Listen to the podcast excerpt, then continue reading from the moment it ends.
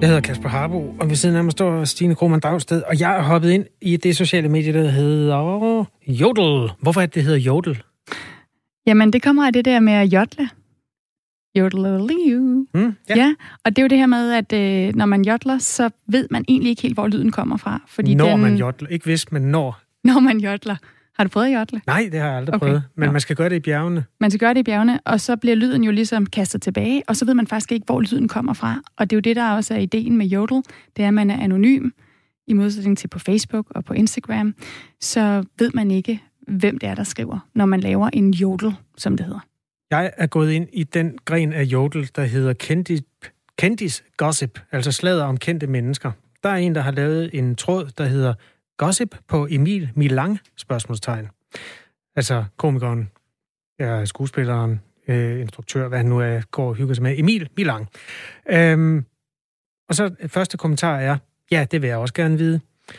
En tredje bidrager med kommentaren, Emil Milang, virkelig sød og rar, gift og venter barn nummer to. Mm, Så kommer der en, der skriver, ja, helt enig, p- pisse flink. Så kommer der et rygte hernede. Emil Milang stjal ideen til sin, citationstegn, hitserie fra en anden i branchen. Hvilken hitserie, spørger en syvende bruger. Shit happens, svarer den samme. Du er helt med på, at han ikke har skabt den, ikke? Det er Lars Bang og Thomas Glud, øh, men så er den stjålet der, og sådan og sådan. Og så kører det derud af med øh, alle mulige løse rygter om, at øh, han er en 20 der har stjålet et koncept fra nogle andre. Mm. Og sådan noget må man faktisk ikke sige i resten af verden. Det må man på Jodel indtil videre. Og den her blanding af anonymitet og, og sladder, som kan være også seksuel karakter, det er en farlig cocktail. Det er der i hvert fald flere politikere, der synes, at det er, og vil se på, hvordan lovgivningen omkring øh, Jodel og andre sociale medier, hvordan deres ansvar kan øh, strammes. Godmorgen, Jeppe Brugs. Godmorgen. Godmorgen. Retsordfører hos Socialdemokratiet. Nu hørte vi lige et eksempel på, hvilke rygter der blandt andet er inde på Jodel. Er det det, du vil gribe ind over for, og hvordan vil du det? Ja, altså der foregår rigtig meget på mange forskellige platforme. Og, øh, og det er helt sikkert, at, at tingene udvikler sig så stærkt, at den lovgivning, vi har i dag, i hvert fald ikke er tidsvarende. Når det er sagt, så gør jeg mig ikke nogen øh, naive illusioner om, at vi kan sidde på Christiansborg og lovgive om alt, og dermed også ramme alt, hvad der foregår på det store net og på alle platforme ind. Det tror jeg simpelthen er umuligt. Men vi har set en del eksempler.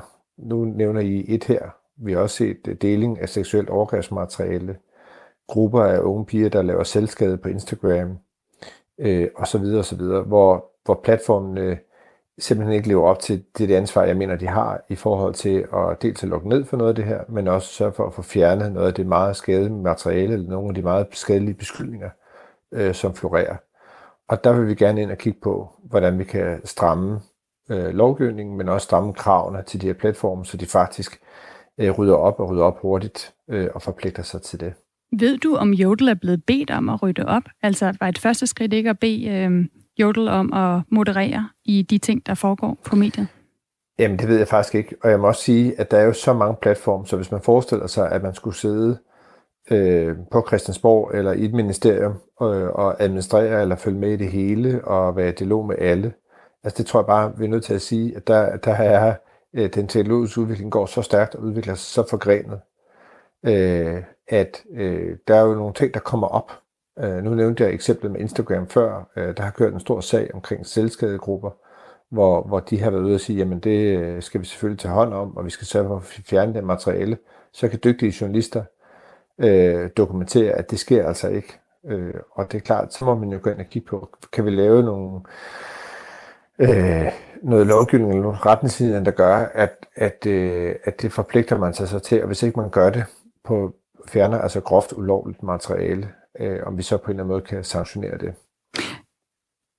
Tror du, at det vil være lettere at lave love, som kan øh, gøre, at øh, de her øh, rygter, der, der simpelthen kan skade andre, ikke foregår? Eller vil det være lettere at prøve at få Jodel til selv at øh, sanktionere dem, der skriver noget, de ikke må? Altså jeg tror i første omgang, så er man simpelthen nødt til at være i dialog med de her platforme. Både som I nu gør, bringer historierne op. Vi som politikere øh, øh, tager dialogen osv. Øh, fordi at, at, som jeg sagde, det er så omfangsrigt det her, at, øh, at, at det vi alle sammen nødt til ligesom på, på en eller anden måde, er os, der har muligheden for det, øh, at blande os i. Så det skal lige forstå. Første bare, skridt vil være, at I går til for eksempel Jodel eller andre sociale platformer og beder dem ja, om at nu kan jeg se, at Jodel, Jodel i den artikel, vi, vi snakker om her, mm. det ved jeg ikke, men, men der er en artikel i Jyllandsposten i dag, mm. hvor de jo faktisk også er ude og, og sige, jamen vi, vi, øh, vi, og, vi har reageret på det her, og vi fjerner faktisk øh, materiale, når der er navngivende personer osv. Jeppe Brugs, hvorfor er det, det ikke mere effektivt, end at, end at prøve at ændre loven? Det kan også være svært med hele tiden at skulle ændre loven, så man følger med. Du siger selv, de her sociale medier er i rivende udvikling. Øh, tror du, at I hele tiden kan ændre loven, så I følger med? Nej, det var det, jeg lige sagde før. Mm. Det gør mig ingen forestilling om, at vi kan. Så hvad er, det, hvad er det helt konkret, I vil gøre? Jamen det vi vil gøre, det er at kigge på, når der er stærkt øh, ulovligt materiale, for eksempel deling af seksuelt overgrebsmateriale med børn eller med unge.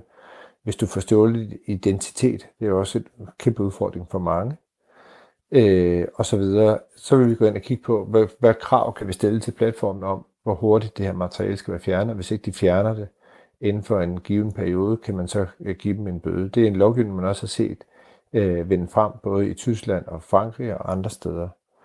Øh, og så er vi også nødt til øh, alle sammen, øh, som voksne, øh, de unge, øh, os der har ansvar for vores børn, og sørge for at være meget kritiske i forhold til det, der foregår, og også øh, øh, alle sammen blive bevidste om, ikke dels at deltage i, øh, i det her, men jo også finde ud af, hvordan vi stiller os kritisk over for de oplysninger, der bliver delt. Og det er både de grove rygtespredninger, øh, det er også i, i den anden ende, og nu er vi jo taler ved amerikanske valg, altså øh, hele den diskussion omkring fake news osv.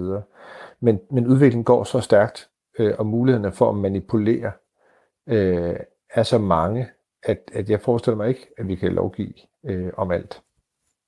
Men I vil forsøge med at give bøder, hvis at Jodel og andre sociale medier ikke fjerner øh, opslag, der kan være en, øh, altså problematiske for dem, der bliver omtalt? Altså nu, nu den her diskussion med Jodel, og så godt kender jeg altså ikke det medie, lige kommet mm. frem. Så jeg vil egentlig hellere bruge et andet eksempel, jeg selv har brugt øh, meget mere tid på, nemlig altså deling af, af, af ulovligt materiale, af seksuelt overgrebsmateriale eller identitetsteori, og nogle af de ting, vi også sidder og kigger på. Men der vil jo hele tiden komme nye problemstillinger, og der vil hele tiden være nye platforme, og derfor kommer vi ikke til at have en lovgivning, som, som rammer alt. Mm. Hvis vi lige, fordi nu er det jo Ly Jodel, der har sat gang i den her debat, blandt andet øh, Peter Skov fra Dansk Folkeparti har ved sagt, at man, han synes, man skal forbyde den. Han er bange for, at fremmede magter også kan sprede misinformation, netop fordi man kan være anonym. Lad os lige få sat nogle ord på, fordi det er som sagt ikke alle, der kender den her sociale platform øh, så godt. Det er altså en øh, lokationsbaseret platform, altså man ser kun opslag for folk, som, som er i ens nærhed inden for 10 kilometer øhm, og den er mest brugt i, i storbyerne. Der er øh, 270.000 danskere, øh, der bruger den, og på verdensplan, der er der over 7,5 millioner jodelbrugere. Der er flest i, i Tyskland, hvor den er fra, og så Finland og Saudi-Arabien. Øhm, og, og hver dag, der bliver der altså lagt over 7 millioner opslag eller jodler ud på, på jodel. Jeppe Brugs rygter har jo altid været en, en del af både mediebranchen og, og dansk politik. Nu foregår det så bare på sociale medier. Er det nødvendigt at gribe ind overfor? Jamen, det er da en udfordring, at, at, den, øh, at de rygter, der altid er spredt nede ved, lidt, lidt populært sagt nede ved gadekæder, øh, de nu flytter ind øh, og kan blive spredt ud øh, til mange, mange mennesker øh, i løbet af et klik eller to.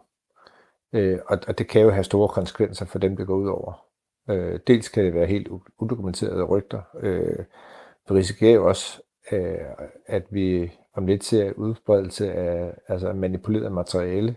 Øh, en anden kategori er jo de her deepfake-videoer, hvor man kan efterligne en person fuldstændig, øh, men sætte dem ind i en anden sammenhæng, for dem til at sige noget, som de jo aldrig har sagt eller deltaget i. Mm. Øh, og derfor er det her en, en udfordring, øh, mm. som, som både udfordrer dels vores sociale liv, øh, kan have store skadevirkninger for dem, det går ud over, øh, men jo også på en lidt større klinge kan, kan udfordre virksomheder og vores demokrati osv. En ting er de her deciderede lovstridige opslag, som, som du kommer med eksempler på. Vi havde også lige et eksempel før, som øh, min medvært Kasper Harbo læste op, som jo handler om, om rygter, altså andre ting, som er mere på kanten rent juridisk. Hvordan vil I gribe ind over for det? Jamen, det, det tror jeg ikke, vi kan. Altså 100 procent. Øh, så er vi tilbage ved, at vi kan ikke lave en lovgivning, der rammer det hele. Øh, vi kan kigge på, øh, hvordan vi øh, dels får håndteret noget af det, der er rigtig groft og meget ulovligt. Vi kan kigge på, hvordan vi, øh, om vi kan stille krav til de platforme, altså for eksempel Jodel eller Facebook, Instagram, Twitter. Øh, hvad har vi af muligheder for at, øh, at, at sætte nogle krav til, hvordan de øh, administrerer deres platforme. Øh, men så er der jo steder på nettet, som jo ikke er en, en platform, men jo bare et sted, folk kan mødes, øh, også anonymt, øh, og også dele rygter. Øh, hvor det jo vanskeligere, fordi det er vanskeligt at få fat i, hvem er det egentlig, der driver eller administrerer det her sted. Øh, og derfor øh, er det er jo en mange faciliteret udfordring, og dermed også svær og kompleks. Øh, mm. Øh, den, der ikke ved, vi kan, jeg mener godt, vi kan gøre noget politisk, men vi er også nødt til at være ærlige med hinanden, og det er også det, jeg forsøger at sige her, at, at det vil være naivt at tro, at vi kan lave lovgivning, der regulerer det hele. Er det, er det så et eller andet sted lidt symbolsk, at I nu prøver at lave en lovgivning, hvor I vil give bøder, hvis du, som I siger, på ingen måde kan følge med lovgivningsmæssigt? Det er på ingen måde symbolsk. Altså, lad mig give dig et eksempel. Altså, nogle af de, den video, der blev delt med en ung pige øh, i forbindelse med hele den Umbrella-sag, hvor det var seksuelt overgrebsmateriale, der er jeg da stærkt, stærkt faret over, at de store platforme ikke har øh, sikret sig, at den video ikke blev bare delt og delt, og stadigvæk bliver delt. Og at de ikke har været i stand til, hvis man opdager, at her er der faktisk noget, som vedrører mig, øh, og man henvender sig til, til en platform, for eksempel Facebook, Instagram, øh, whoever, og siger, prøv at høre, øh, det her, det, det er simpelthen, øh, det, enten er det groft ulovligt, det er krænkende, eller det er, det er fake. Det vil gerne have, I fjerner. Og at de så ikke øh, fjerner det inden for en meget, meget hurtig tidsfrist. Øh, og, og der vil vi, øh, øh, der sidder vi og kigger på, kan vi, kan vi lave en lovgivning, der gør, at man så i virkeligheden også øh, altså kan få en ret stor bøde for ikke at gøre det. Det er det, vi har set i Tyskland og Frankrig. Det er på ingen måde symbolsk, men det er faktisk med til at sørge for, at de store platforme også prioriterer de ressourcer, der skal til for at rydde op i det her. Mm. Det kan jo hurtigt blive et, øh, et skråplan, hvis man går ind og lovgiver om, hvad man må sige og, og skrive, også på internettet. Øhm, hvad med at prøve at skabe større øh, gennemsigtighed øh, sådan et sted som Jodel, sådan så at dem, der føler, sig, at, føler, at der sker noget øh, lovstridigt, øh, for eksempel der er et opslag, som, som på en eller anden måde ikke er... Øh, ikke er okay, at man simpelthen kan lægge sagen ved en dansk domstol, gå den vej, som man vil gøre i alle andre sager, hvis der blev skrevet noget om en, øh, som, man, øh, som er lovstridigt? Jamen, nogle af de ting, man kunne kigge på, det er for eksempel det. Det kunne også være at stille krav om, at hvis man har sådan en platform, så skal der være et effektivt klagesystem, øh, og der skal være en stopknap, øh, og så videre. Altså prøv at, at finde ud af, er der nogle universelle værktøjer, øh, vi, kan, vi kan stille krav om, at det, at det skal man kunne håndtere, øh, hvis man driver en platform. Vores udfordring er jo, at de her platforme er jo ikke øh, dansbaseret.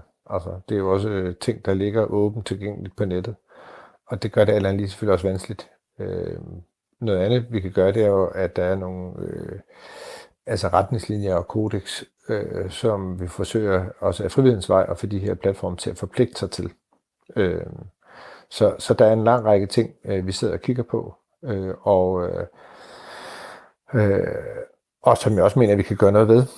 Øh, samtidig så er vi også nødt til, øh, og derfor er det også godt, at den her historie i virkeligheden kommer frem, og, og prøve på en måde at forholde os til, at det her det eksisterer, øh, at det får faktisk en stor konsekvens, øh, og dermed er vi også nødt til hver eneste gang så at, at finde ud af, hvordan dels håndterer vi det mm. øh, lovgivningsmæssigt, hvordan kan vi lægge pres på de her platforme, men også at vi alle sammen øh, får et, øh, et stort veludviklet, hvis jeg må sige, hvad så fri at sige, sådan bullshit-filter, der handler om, øh, nu stod jeg på et eller andet, det, selvfølgelig, det kunne være spændende og sjovt, og i stedet for at læse det i, i et eller andet sladderblad, så kan du læse det på nettet. Men også at være bevidst om de skadesvirkninger, det har ved at, at deltage i at viderebringe sådan nogle ting. Men Jeppe Bos, altså retsordfører for Sjælgemotivet. ikke et forbud mod jodel fra dig i dag? Jeg kender simpelthen ikke Jordel godt nok til, at, altså, jeg vil også til være useriøst bare at sige, jamen fint, så, så lukker vi det ned, fordi her var der en slag. Det kan jo også være ting i Jordel, som egentlig kan være okay. Mm. Ligesom jeg heller ikke vil sige, lad os nu bare forbyde Facebook, fordi der er nogen, der laver Facebook-grupper, hvor de kunne lave det præcis det tilsvarende. Tak, Jeppe Brugs, øh, retsordfører hos Socialdemokratiet, for at være med øh, om den her debat, som jo ligesom er startet med Jodel, men øh, jo gælder øh, mange sociale medier. Og det, der også gælder for Jodel, er jo, at der er masser af uskyldige opslag derinde. Det er ikke ren øh, had og ikke ren øh, bagvaskelse af alt, hvad der foregår. Inde under Kendip kendis gossip. Der er en, der spørger, gossip på Birte Kær? Spørgsmålstegn. Og så er der en, der har set Birte Kær i ved Føtex, hvor hun gav penge til en hjemløs. Og så er der også nogen, der mener, at hun har haft en affære med Lone Dybkær. Hun synger virkelig godt, er der en, der skriver. Hun har været kærester med Fritz Schur. Hun var kæreste med min morfar, er der en, der skriver. Altså, det ville være synd og skam, hvis man lukkede jodel. Men måske, som retsordfører Jeppe Brugs fra Socialdemokraterne er inde på, man kunne godt regulere lidt. Bare lidt.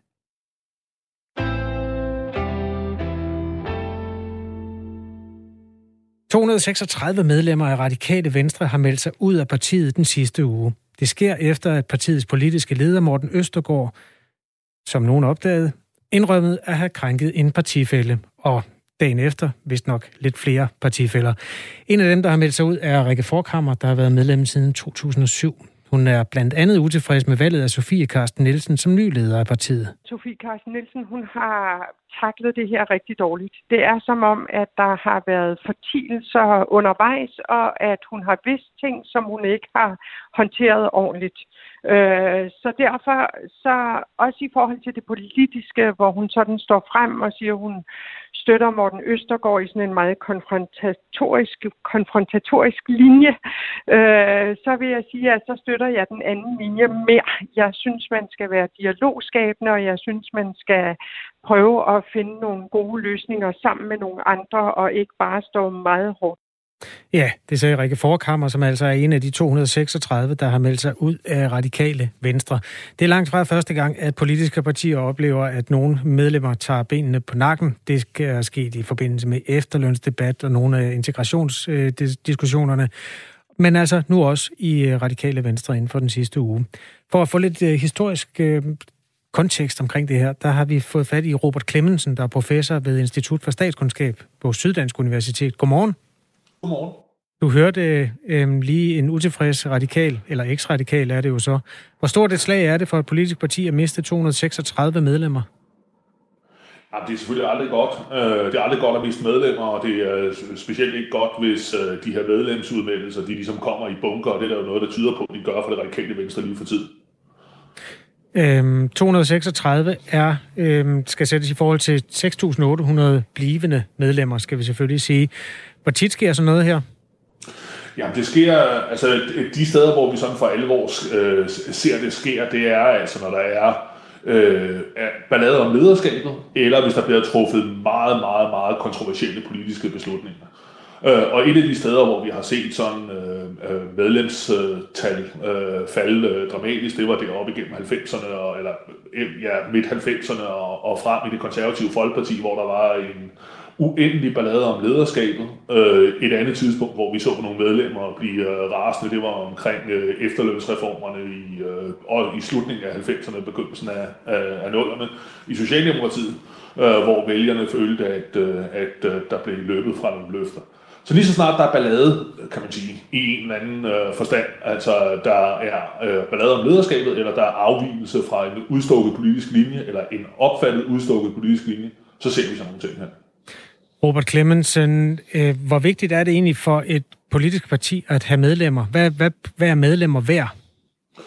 Ja, det, det er faktisk et godt spørgsmål. Øh, jamen, øh, især fordi det der jo er i Danmark er, at øh, partierne jo blandt andet bliver aflønnet ved, hvor mange stemmer de får, øh, og ikke længere af medlemskontingenterne. Men det medlemmer bidrager med, det er jo selvfølgelig først og fremmest en hulens masse øh, legitimitet. Altså det er godt at have mange medlemmer, fordi det viser, at man ligesom har mange på lægterne, der støtter, der støtter en øh, i kampen side. Øh, og, øh, og så er de her medlemmer, det er jo altså, det er jo altså folk, der går ind for sagen. Øh, så det er, det, er, det er folk, der sørger for, at partiet i det hele taget fungerer. Der, der er ret få betalte poster i, øh, i sådan politiske partier. Så det der med at organisere øh, øh, vælgermøder, eller sørge for, at der er en politisk debat øh, lokalt og sådan noget. Det er faktisk noget, folk bruger deres fritid på. Og, og derfor er vælgerne vigtige. Eller undskyld, selvfølgelig, øh, medlemmerne er vigtige. Ja, vælgere og medlemmer er nogle gange en og samme person. Øh. Ja, det er det, men, men øh, i, i, stadig mindre, i, i stadig mindre omfang jo. Ikke? Øh, så derfor er det vigtigt at have de her soldater, om jeg så må sige, øh, ude, helt ude i øh, hverdagen, som, øh, som sælger partiets øh, politik. Jeg ved ikke, om du er lidt langt fra, fra telefonen, Robert Clemmensen. Er du det? Nej, det synes jeg ikke. Nej, okay, godt nok. Jeg Jamen, det var... den, den, den ligger lige her. Ja, ja, perfekt. Ja. Lidt tættere ja. på munden med den, hvis du kan. Ja, det kan øhm, Vil de udmeldte radikale melde sig ind i andre partier? Hvad siger din erfaring der? Ja, det er jo, det er jo sådan lidt, øh, det er jo sådan lidt et, øh, et kilden spørgsmål, ikke? Øh, fordi øh, øh, det første spørgsmål er selvfølgelig, hvor, hvor, hvor, hvor, hvor tæt identif- identificerer man sig med, et, med sit politiske parti. Øhm, øh, og noget af, det, øh, noget af det, vi kan se i hvert fald fra dele af den amerikanske forskning, det er, at hvis man bliver sådan meget træt af sit politiske parti, øh, øh, så, er, så opfører de her folk sig sådan set lidt som, øh, lidt som fodboldfans. Øh, I den forstand, at hvis man nu er meget voldsom, øh, lad os sige Brøndby-fan, og Brøndby klarer sig meget dårligt, så er det ikke sådan, at man pludselig dukker op hos FCK, øh, fordi ens hold klarer sig dårligt. Så bliver man væk, man tager ikke på stadion. Noget af det, vi, øh, noget af det, vi ser i øh, vælgeradfærdsforskning, er faktisk, at nogle af de her folk, der virkelig har gået ind for sagen, de bliver trætte af politik. De melder sig ud. De gider ikke deltage, fordi de bliver skuffet over den politiske proces. Hvis der er nogle radikale, der vælger at gå andre steder hen, så er der jo et stort spørgsmål, der skiller lige nu, øh, øh, og som måske er særlig vigtigt for det radikale venstre, og det er nok spørgsmålet om, mit bud vil være øh, indvandrerpolitik og så selvfølgelig klima. Og spørgsmålet er, hvor, hvor, hvor går man hen, hvis man er øh, en, en radikal, som er utilfreds øh, med øh, den øh, politiske linje, der bliver lagt i radikale venstre. Hvor får man en eksempelvis øh, immigrationspolitik, som, øh, som passer til det, de radikale nu, øh, nu engang måtte mene. Det er lidt svært at se ude i det politiske landskab, hvilket parti det vil være. Altså, hvad skal der egentlig øh, sådan i historisk kontekst til? Kan du give nogle andre eksempler på sådan nogle medlemsflugter? Hvor er det, at øh, partier de mister medlemmer? Ja, altså, øh, øh, det vi jo så, øh, det vi jo så øh, der med, øh, med efterlønssagen og alle de her ting øh, tilbage i slutningen af 90'erne, det var jo, øh, at venstrefløjen øh, blev styrket. Ikke? Det vil sige, at der var nogle øh, SF, meget af Willy Søvndals øh, øh, vækst op igennem nullerne, var sådan set betinget af lidt, lidt, øh, lidt øh, hvad kan man sige, utilfredse socialdemokrater. Ikke også? Øh, øh, så altså, hvor vælgerne går, altså, hvor vælgerne går hen, er simpelthen bare svært at sige øh, lige nu. Jeg tror ikke, det var et helt svar på dit spørgsmål. Nej, men det kan jo også godt være, at vælgerne heller ikke rigtig selv ved det. Ja. Øh, ja, øh, har du øh, talt med nogle radikale de sidste uger? Der er garanteret en masse historisk at hente hos dem øh, lige i øjeblikket. Nej, altså, jeg, jeg følger jo sådan øh, bare med som, øh, som interesseret borger, ikke? Øh, mm. Og øh, altså, det er, jo, det er jo i hvert fald ret tydeligt. Det, altså, ja, ja, der havde vi ellers lige optakten til, at der skulle ske noget spændende, men ja. øh, vi tabte Robert Clemmensen der, øh, professor i ved Institut for Statskundskab på Syddansk Universitet. Men det, der står klart, det er altså, at 236 har meldt sig ud af radikale venstre, og imens har 69 meldt sig ind. Nu har vi diskuteret så meget, at det går dårligt, men der er jo altså også nogen, der synes, det går godt. Og hvis du er en af de 69, så giv meget gerne lyd. Det kunne være sjovt at høre, hvad det er i den sidste uges udvikling i det gamle parti som øh, har tiltrukket dig, hvor du synes, at Radikale Venstre gør tingene rigtigt i øjeblikket. Skriv en sms til os på 1424. Start med R4 og et mellemrum, og så din besked. Og det er der en del af jer, der har gjort øh, på debatten om Jodel, hvor vi lige talte med Socialdemokratiets retsordfører Jeppe Brugs, som er en af de politikere, der mener, at øh, der skal strammes i lovgivningen, så man på en eller anden måde kan sætte ind over for sociale medier. Et konkret forslag, han kom med, var at give bøder, hvis ikke at de, de her sociale medier fjerner opslag, der, er, øh, der strider med den danske lovgivning. Vi har ytringsfrihed, det er det, I er bange for, for så mister I retten til at fake alene, er der en lytter, der skriver. Ja, jeg tror, det er den samme lytter, der skriver, I læser ikke sms'er op, der kritiserer jeg, og det er derfor, er det derfor, at Jodel eksisterer? Det var jo et bud. Altså, at Jodel simpelthen er et sted, hvor man kan skrive de ting, man ikke kan få luft for andre steder. Hvis Jodel er en app, så kan det næppe gøre 100, gøres 100% anonymt. Jeg vil mene, at man altid kan finde afsenderen fra et opslag, selvom man til synlædende er anonym, skriver en lytter. Det kan jeg faktisk svare på, fordi jeg, øh, det har talsmanden for Jodel øh, i Tyskland sagt, at det er rigtigt, at øh, hvis der bliver øh, anmeldt nogle, nogle jodler, så kan de selvfølgelig finde ud af, hvem det er, der har skrevet dem. Så helt anonymt er det ikke. Og derfor opfordrer han også til, at man ikke skriver noget, der øh, strider med, med loven. Det her det er Radio 4 morgen. Nu er der nyheder med Signe Ribergaard Rasmussen. Klokken er halv ni.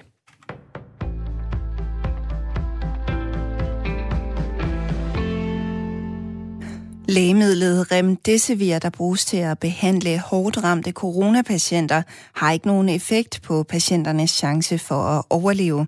Det skriver The Financial Times ifølge nyhedsbureauet Reuters på baggrund af et nyt studie, udført af Verdenssundhedsorganisationen WHO. Herunder coronakrisen har det længe været kendt, at Remdesivir kan gøre patienter hurtigere raske, men det nye studie tyder altså på, at midlet ikke kan redde patienter. WHO har testet fire forskellige lægemidler, blandt andet Remdesivir, på mere end 11.000 indlagte patienter. Og studier viser, at midlet ikke var væs- ikke væsentligt påvirket dødeligheden eller reduceret behovet for respirator for patienterne. WHO har ikke selv kommenteret resultatet, som altså fremlægges af The Financial Times. Omkring hvert fjerde medlem af landets næststørste fagforening, HK, har i løbet af det seneste år oplevet uønskede berøringer, kys og seksuelle og upassende kommentarer om privatlivet. Det viser en ny undersøgelse, som er foretaget af Opinion for Fagforbundet. 3.093 medlemmer af HK har besvaret undersøgelsen, og de tæller blandt andre kontorfolk, klinikassistenter og butiksmedarbejdere. Næstformand i HK Danmark, Martin Rasmussen, mener, at man godt kan brede statistikken ud på fagforeningens samlede medlemskare, og han er ærgerlig over tallene. Jeg synes jo faktisk, det er trist at se, at, at hver fjerde blev det. Altså, øh, vi havde jo egentlig håbet lidt på, at, øh, at, at da vi ligesom havde den her MeToo-bevægelse for nogle år siden, at, at vi ligesom havde fået bragt antallet ned øh, af folk, der blev udsat for seksuelle krænkelser. Øh, og det ser det jo ikke ud til, at vi har. I svarene kan HK se en stigning fra sidste år. 28,2 procent af mændene og 23,5 procent af kvinderne har været udsat for krænkende adfærd. Og det er særligt mændene, som i højere grad stikker ud i år i forhold til tidligere undersøgelser, siger Martin Rasmussen. Jeg tror bare, at folk er blevet mere bevidste om, hvad er en seksuel krænkelse. Øh, altså, det, det er jo det, jeg tror, man kan se på, på de her undersøgelser, der kommer frem nu. Og det tror jeg godt, fordi jeg tror også, det er, det er jo også noget vejen til at få det stoppet. Øh, fordi hvis man selv kan se, hvad man er udsat for, så, så, så udsætter man forhåbentlig heller ikke øh, andre øh, for det samme. Altså, og det er rigtig vigtigt. Martin Rasmussen mener, at der generelt er en dårlig kultur på forskellige arbejdspladser, og at det også er her, løsningen skal findes at man sandsynligvis ikke har en personalpolitik, hvor det står, at øh, hvordan man skal definere seksuel chikane, og at, man ikke får, at, at ledelsen ikke er god nok til at, at i talsæt, hvad er det for en kultur, vi, øh, vi har her på, øh, på arbejdspladsen. Omkring 10.000 medlemmer har fået tilsendt spørgeskemaet mellem den 25. september og den 6. oktober. Demokraternes præsidentkandidat Joe Biden vil tilbagerulle skattelettelser for velhavende amerikanere og virksomheder, som præsident Donald Trump har indført. Det siger han ved et valgmøde i Philadelphia natten til fredag dansk tid. Ifølge Biden vil hans økonomiske politik skabe millioner af nye arbejdspladser og tusindvis af milliarder i skatteindtægter. I dag får Jylland lokal togebanker her i morgentimerne, eller snogen eller en del sol, men i eftermiddag stedvis mere skyet. Temperatur mellem 10 og 13 grader og svag til jævn vind. Og det var nyhederne her på kanalen med mig, Signe Ribergaard Rasmussen.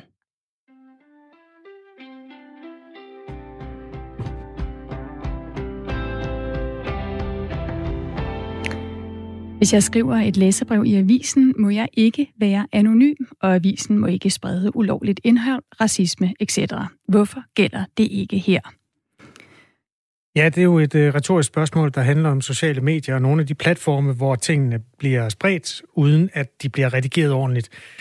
Det er derfor, der er en politisk modvilje mod nogle af de her øhm, sociale medier. nu bliver der sagt jodel rigtig mange gange, og det er fordi, det er det mest aktuelle, men der er jo flere steder på nettet. Men lad os da blive lidt ved Jodel. Ja, for det, der er specielt ved Jodel, det er altså, at man er, er anonym. øh, når man skriver. Altså, man kan simpelthen ikke se, hvem det er, der har skrevet en jodel, som det hedder.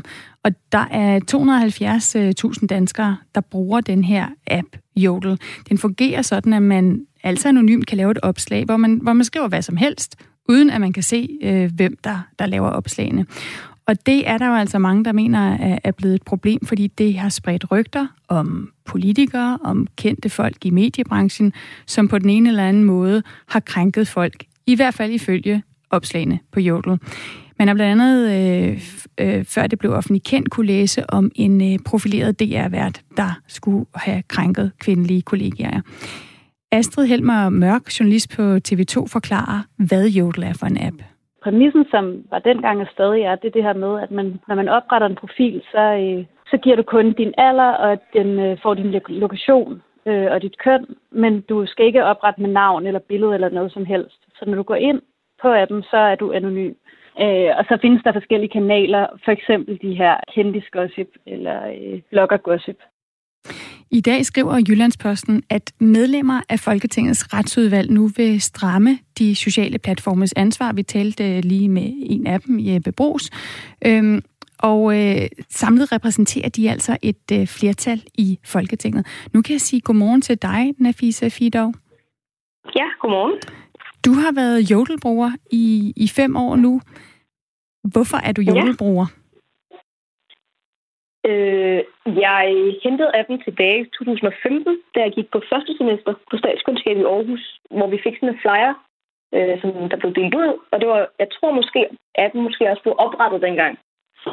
Og øh, så brugte man den ligesom øh, ikke til gossip, og det gør man stadigvæk ikke nødvendigvis, men bare til at skrive de ting, man normalt vil skrive om sit privatliv, eller sjove jokes, eller ting, man har oplevet, eller spørgsmål til pensum og så videre.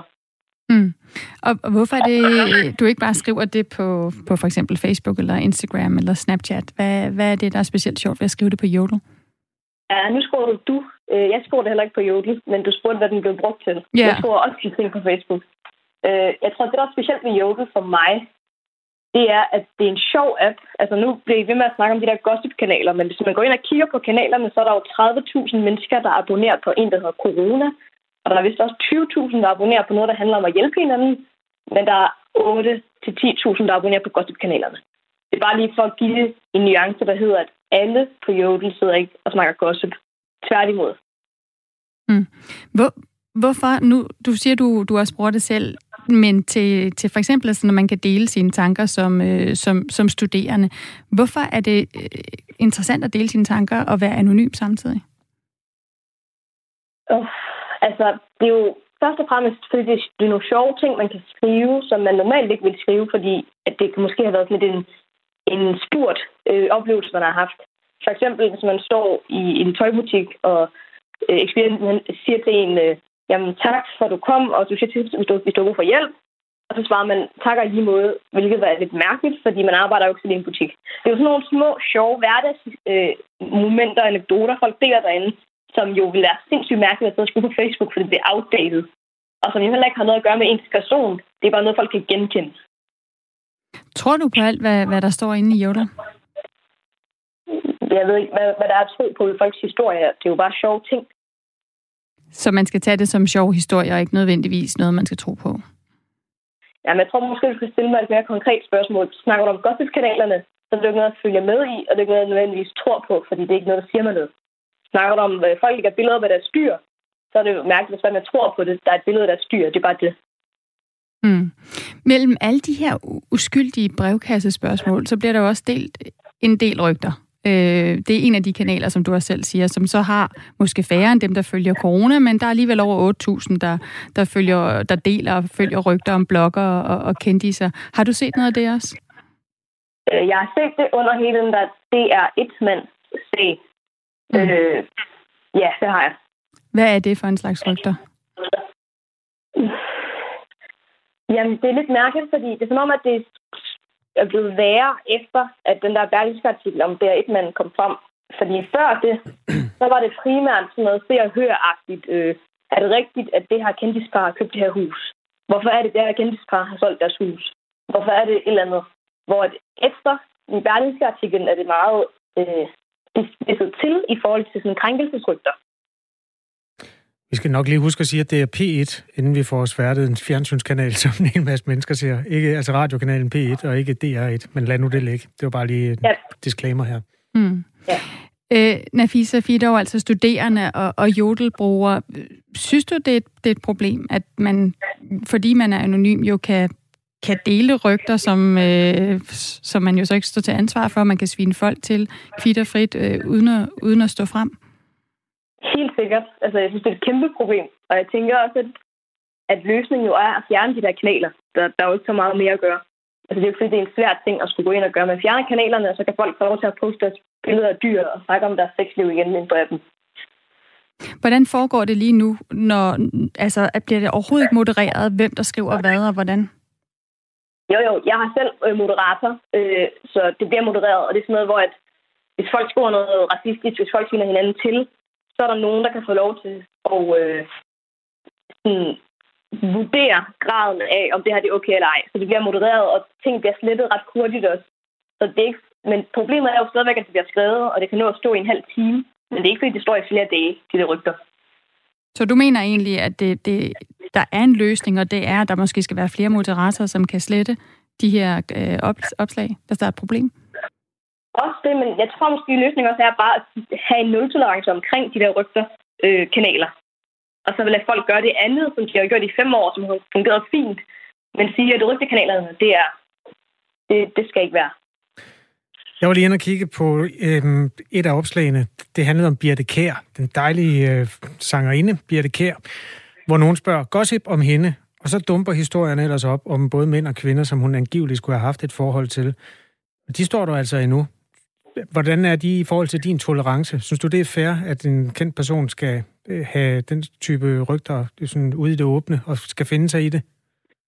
Altså, jeg har lige siddet og sagt, at jeg synes at kanalerne skal slettes. Så okay. nej, jeg synes ikke, at det er okay, at der er disse typer rygter om Birte Kær. Cool nok. Okay. Jeg var ikke helt sikker på, hvor, hvor kategorisk det var. Modtaget. Så... Ja, det var meget kategorisk. Mm. Det, er jo, det, det er jo inde i nogle specifikke kanaler jo, og hvis man sletter de kanaler, så vil det jo ikke være de andre steder, fordi langt de fleste brugere har jo ikke lyst til at se på det. Det er jo derfor, man er nødt til at have det i konkrete kanaler. Mm. Så hvorfor bliver de ikke slettet nu, de kanaler? Hvis du siger, at der allerede er moderatorer som dig selv, der kan gå ind og, og tage de her øh, rygte, øh, altså de, de øh, voldsomme rygter ned. Altså, jeg, jeg repræsenterer ikke øh, appen, jo, det skal jeg lige så sige. Øh, så jeg kender ikke til de tanker, de har haft omkring at skulle slette kanalen eller ej.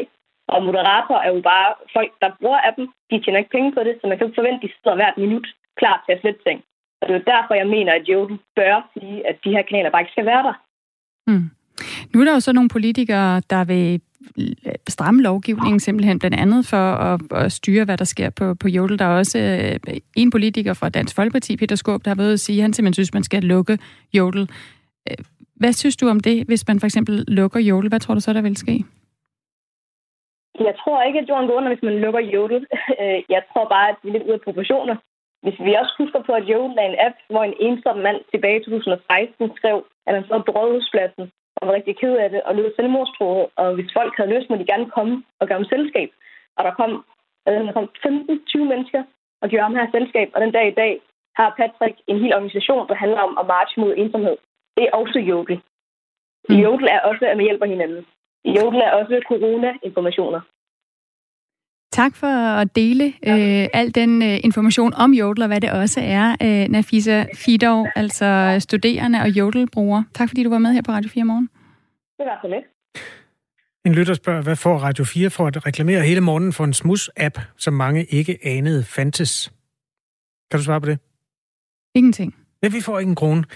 Men ja. øh, jeg kan svare også på noget andet. Jamen, det er jo heller ikke kun en smus-app. Det tror jeg bare var en af de pointer, som vi måske også skulle også sige. Ja, og det tror jeg heller ikke, at øh, lederen af øh, Head of Community, som det hedder hos Jodel, han øh, siger til Jyllandsposten, at øh, opslag med navne på politikere, der anklages for forskellige former for krænkelser, overskrider retningslinjerne, og at man, øh, øh, nu skal jeg lige se her, hvad det er, han siger her. Han siger, at øh, de vil blive fjernet, og man ved politiets hjælp via IP-adresser kan finde frem til brugere, der overtræder loven.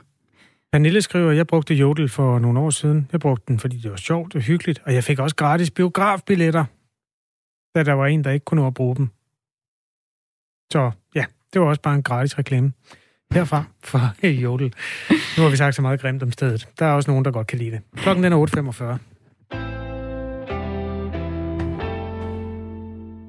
Hvad med sportsnyhederne? Skal jeg tage dem? Ja, er det de der irriterende af slagsen, eller ja. de gode af slagsen? Nej, det, det, jeg kører kun de irriterende sportsnyheder, ja. fordi det er, alting er lidt irriterende. Det excellerer du i, okay. Der er Vuelta af Spanien lige om lidt. Spanien rundt i et dejligt cykelløb, men det bliver nok uden tilskuere ved målområderne. På grund af corona? Ja. Mm. Det er jo en del af det værste og det bedste ved cykelløb, når det foregår i Sydeuropa. Det er jo de der bjergstrækninger, hvor de afgørende ryg de bliver sat ind, at der står jo gale mennesker, som, som har drukket øh, tæt hele dagen. De står som sådan en kødrand, når rytterne skal kæmpe sig op af, af de der smalle veje.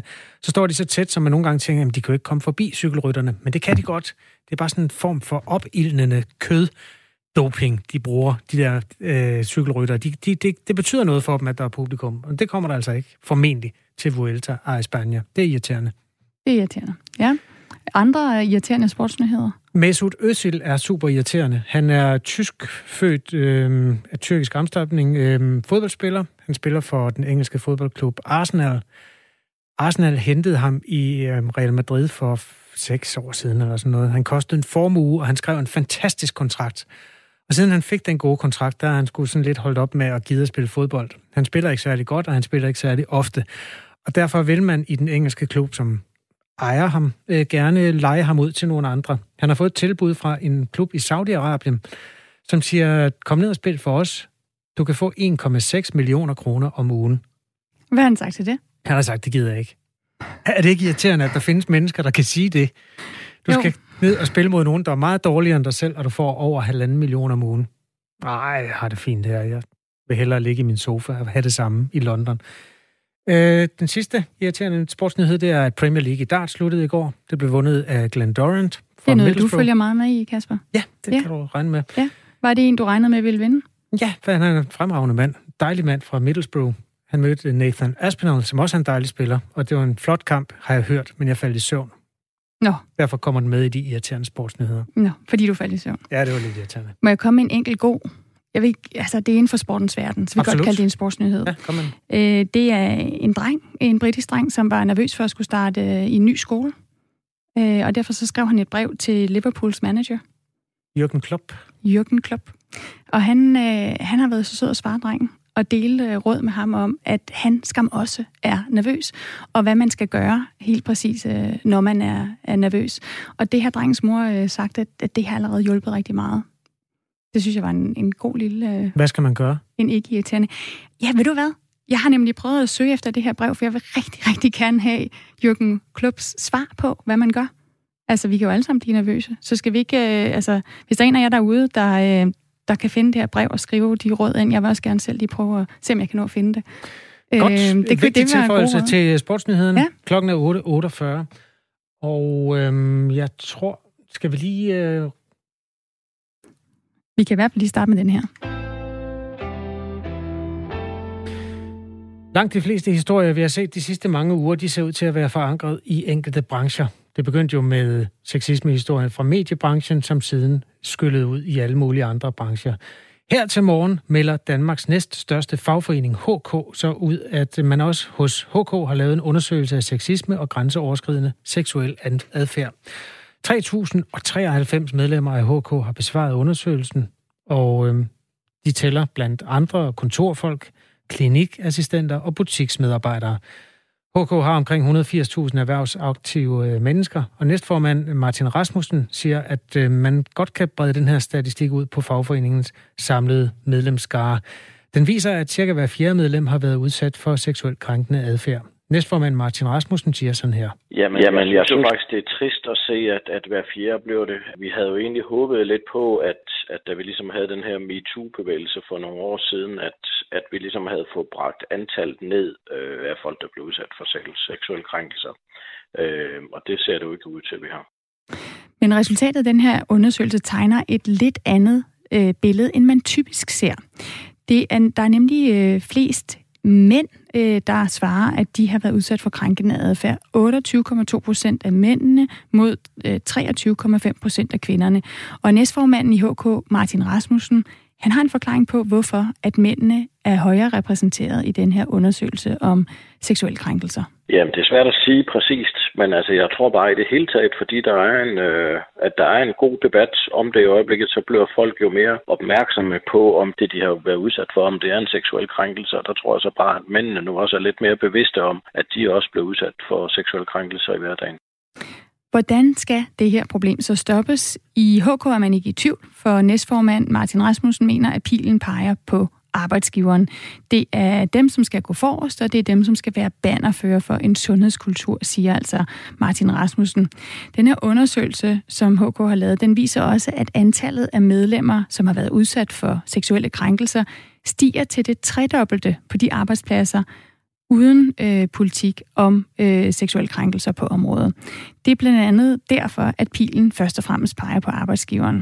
Jamen, vi har alle sammen et ansvar, men det er bare vigtigt at slå fast, det er altid arbejdsgiverens ansvar at sørge for, at kulturen er i orden. Og når det er sagt, så har vi alle sammen et ansvar. Den, der bliver krænket, har selvfølgelig et ansvar for øh, at sige fra over for krænkeren, men det ved vi bare kan nogle gange kan være svært. Altså, vi kan jo også se i vores medlemsundersøgelse, at det er mange af de unge, så det øh, kan være studiejob og praktikanter eller andre, og de har meget svært ved, hvis det er en magtposition, de står over for at sige fra.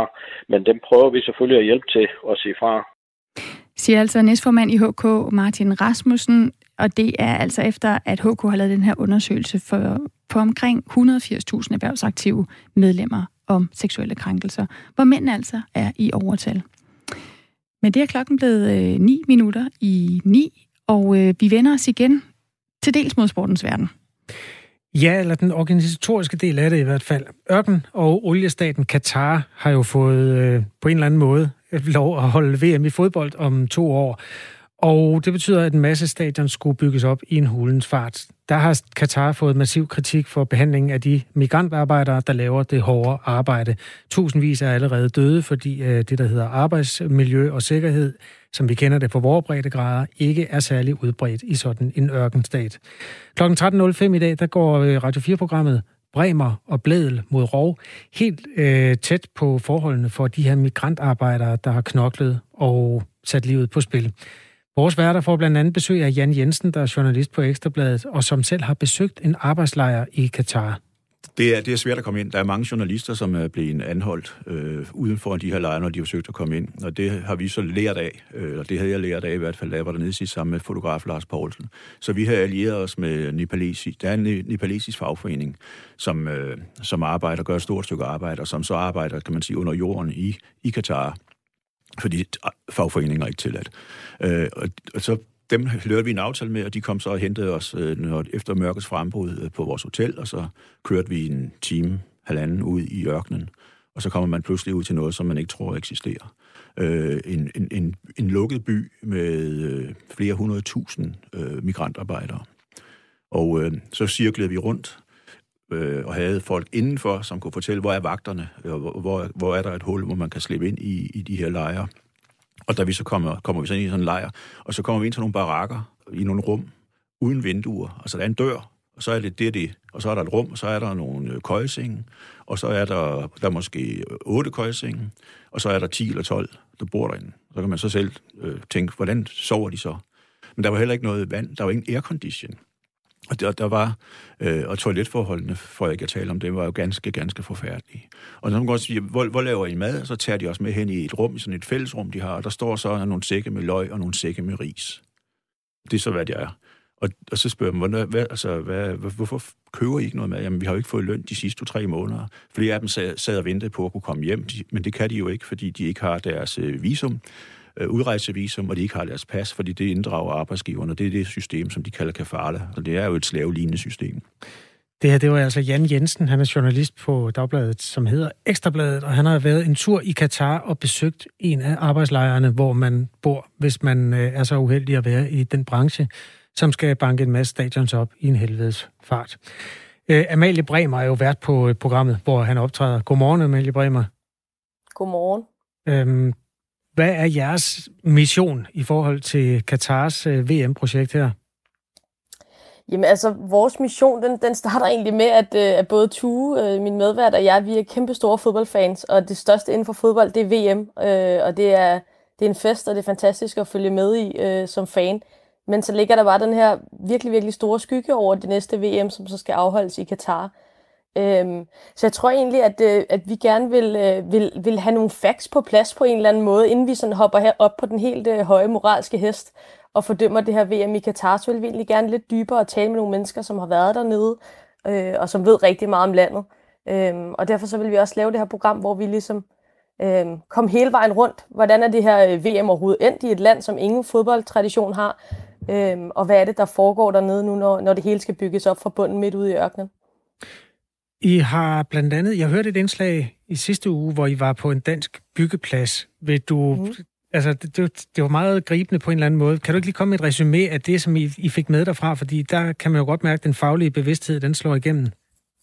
Ja, altså på trods af de her forhold, der er nede i Katar, som er rimelig velbeskrevne, så er det egentlig overraskende svært at finde nogen her i Danmark, som kan tage helt klar afstand fra, fra det arrangement, øh, som de kører dernede.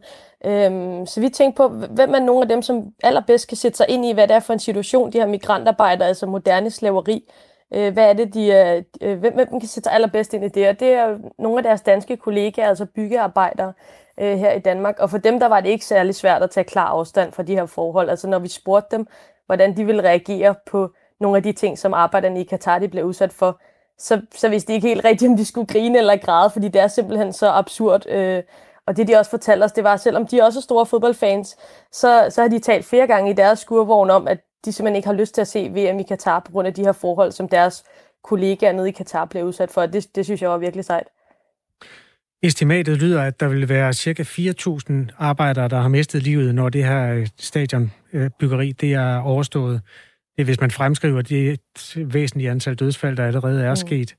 Hvordan var det, at den oplysning gjorde indtryk på de bygningsarbejdere, I mødte? Jamen altså, de siger jo, som, som man også ved, hvis man, man, hvis man tænker på sine egne kollegaer, altså det er folk, som man går omkring hver evig eneste dag, og det som de danske bygningsarbejdere, de sagde, hvis de er rigtig, rigtig uheldige at miste en kollega på en byggeplads, så ligger det jo en, øh, en kæmpe øh, dyne og en skygge nedover, øh, både, både for den enkelte, men også for, for hele arbejdet og, og arbejdspladsen. Så det, var, det gjorde, gjorde også stort indtryk på, på os at høre øh, de her historier. Og det er jo svært, at, og måske svært lige ved sådan, i starten at sætte sig ind i, det er noget, der sker rigtig langt væk. Øh, men det er jo ikke svært at sætte sig ind i, hvis man mister rigtig, rigtig mange kollegaer lige pludselig øh, på sit arbejde. Det er, jo, det er jo sindssygt ubehageligt og forfærdeligt, og det er også derfor, at det er vigtigt, at de her forhold bliver afdækket. Øh, fordi det er altså ikke bare en fodboldfest, der er nogle mennesker, som betaler rigtig, rigtig dyr pris for at få det her op at stå, så vi kan blive underholdt. Jeg elsker fodbold. Du elsker også fodbold, gør du ikke? Det gør jeg. Helt hvad, vildt. Hvad skal der til? Det har jeg siddet og spurgt mig selv om, mens vi har talt om det her. Altså, hvad skal der egentlig til for, at man vil droppe og se en VM-slutrunde? Hvad skal der til for dig? Jamen, for mig, altså, jeg, jeg har jo lidt øh, spillet min kort ud øh, i programmet og sagt, at, øh, at jeg, jeg kommer ikke til at se VM i Katar. Øh, fordi jeg synes simpelthen, at det vil være ubehageligt at sidde og kigge på det. Øh, det, det, fodbold, jeg elsker det, og det er underholdning for mig. Det er noget, der skal gøre mig glad. Øh, men med det, jeg efterhånden ved, også kvæg øh, vores program øh, i dag, så, så vil det give mig en dårlig følelse at sidde og lade mig underholde af det. Øh, så, så, altså... Så er de jo døde for kaos. Øh, Nej, det synes jeg jo ikke. Altså, det er, jeg, jeg, vi arbejder også for i vores program at få nogen til at tage stilling til det. Altså, vi håber, at der er nogle danske politikere, vi håber, at der er nogle, nogle øh, ja, folk i DBU, øh, som, vi, som vi tager afstand, og som vil gøre noget i stedet for at sige, at vi prøver at ændre det indenfra, og vi skal der ned og støtte op, og på den måde kan vi, kan vi ligesom ændre noget. Øh, der synes jeg jo, vi, vi har stadig tid øh, til at arbejde på, at, øh, at det her det ikke skal være forgæves. Øh. Dansk Boldspilunion er den organisation, der står bag Danmarks herre fodboldlandshold, som jo altså mm. håber at uh, komme med. Kvalifikationen er jo ikke spillet endnu, så vi ved jo ikke engang, om det bliver et problem. Men uh, det det. Hvad, hvad siger DBU?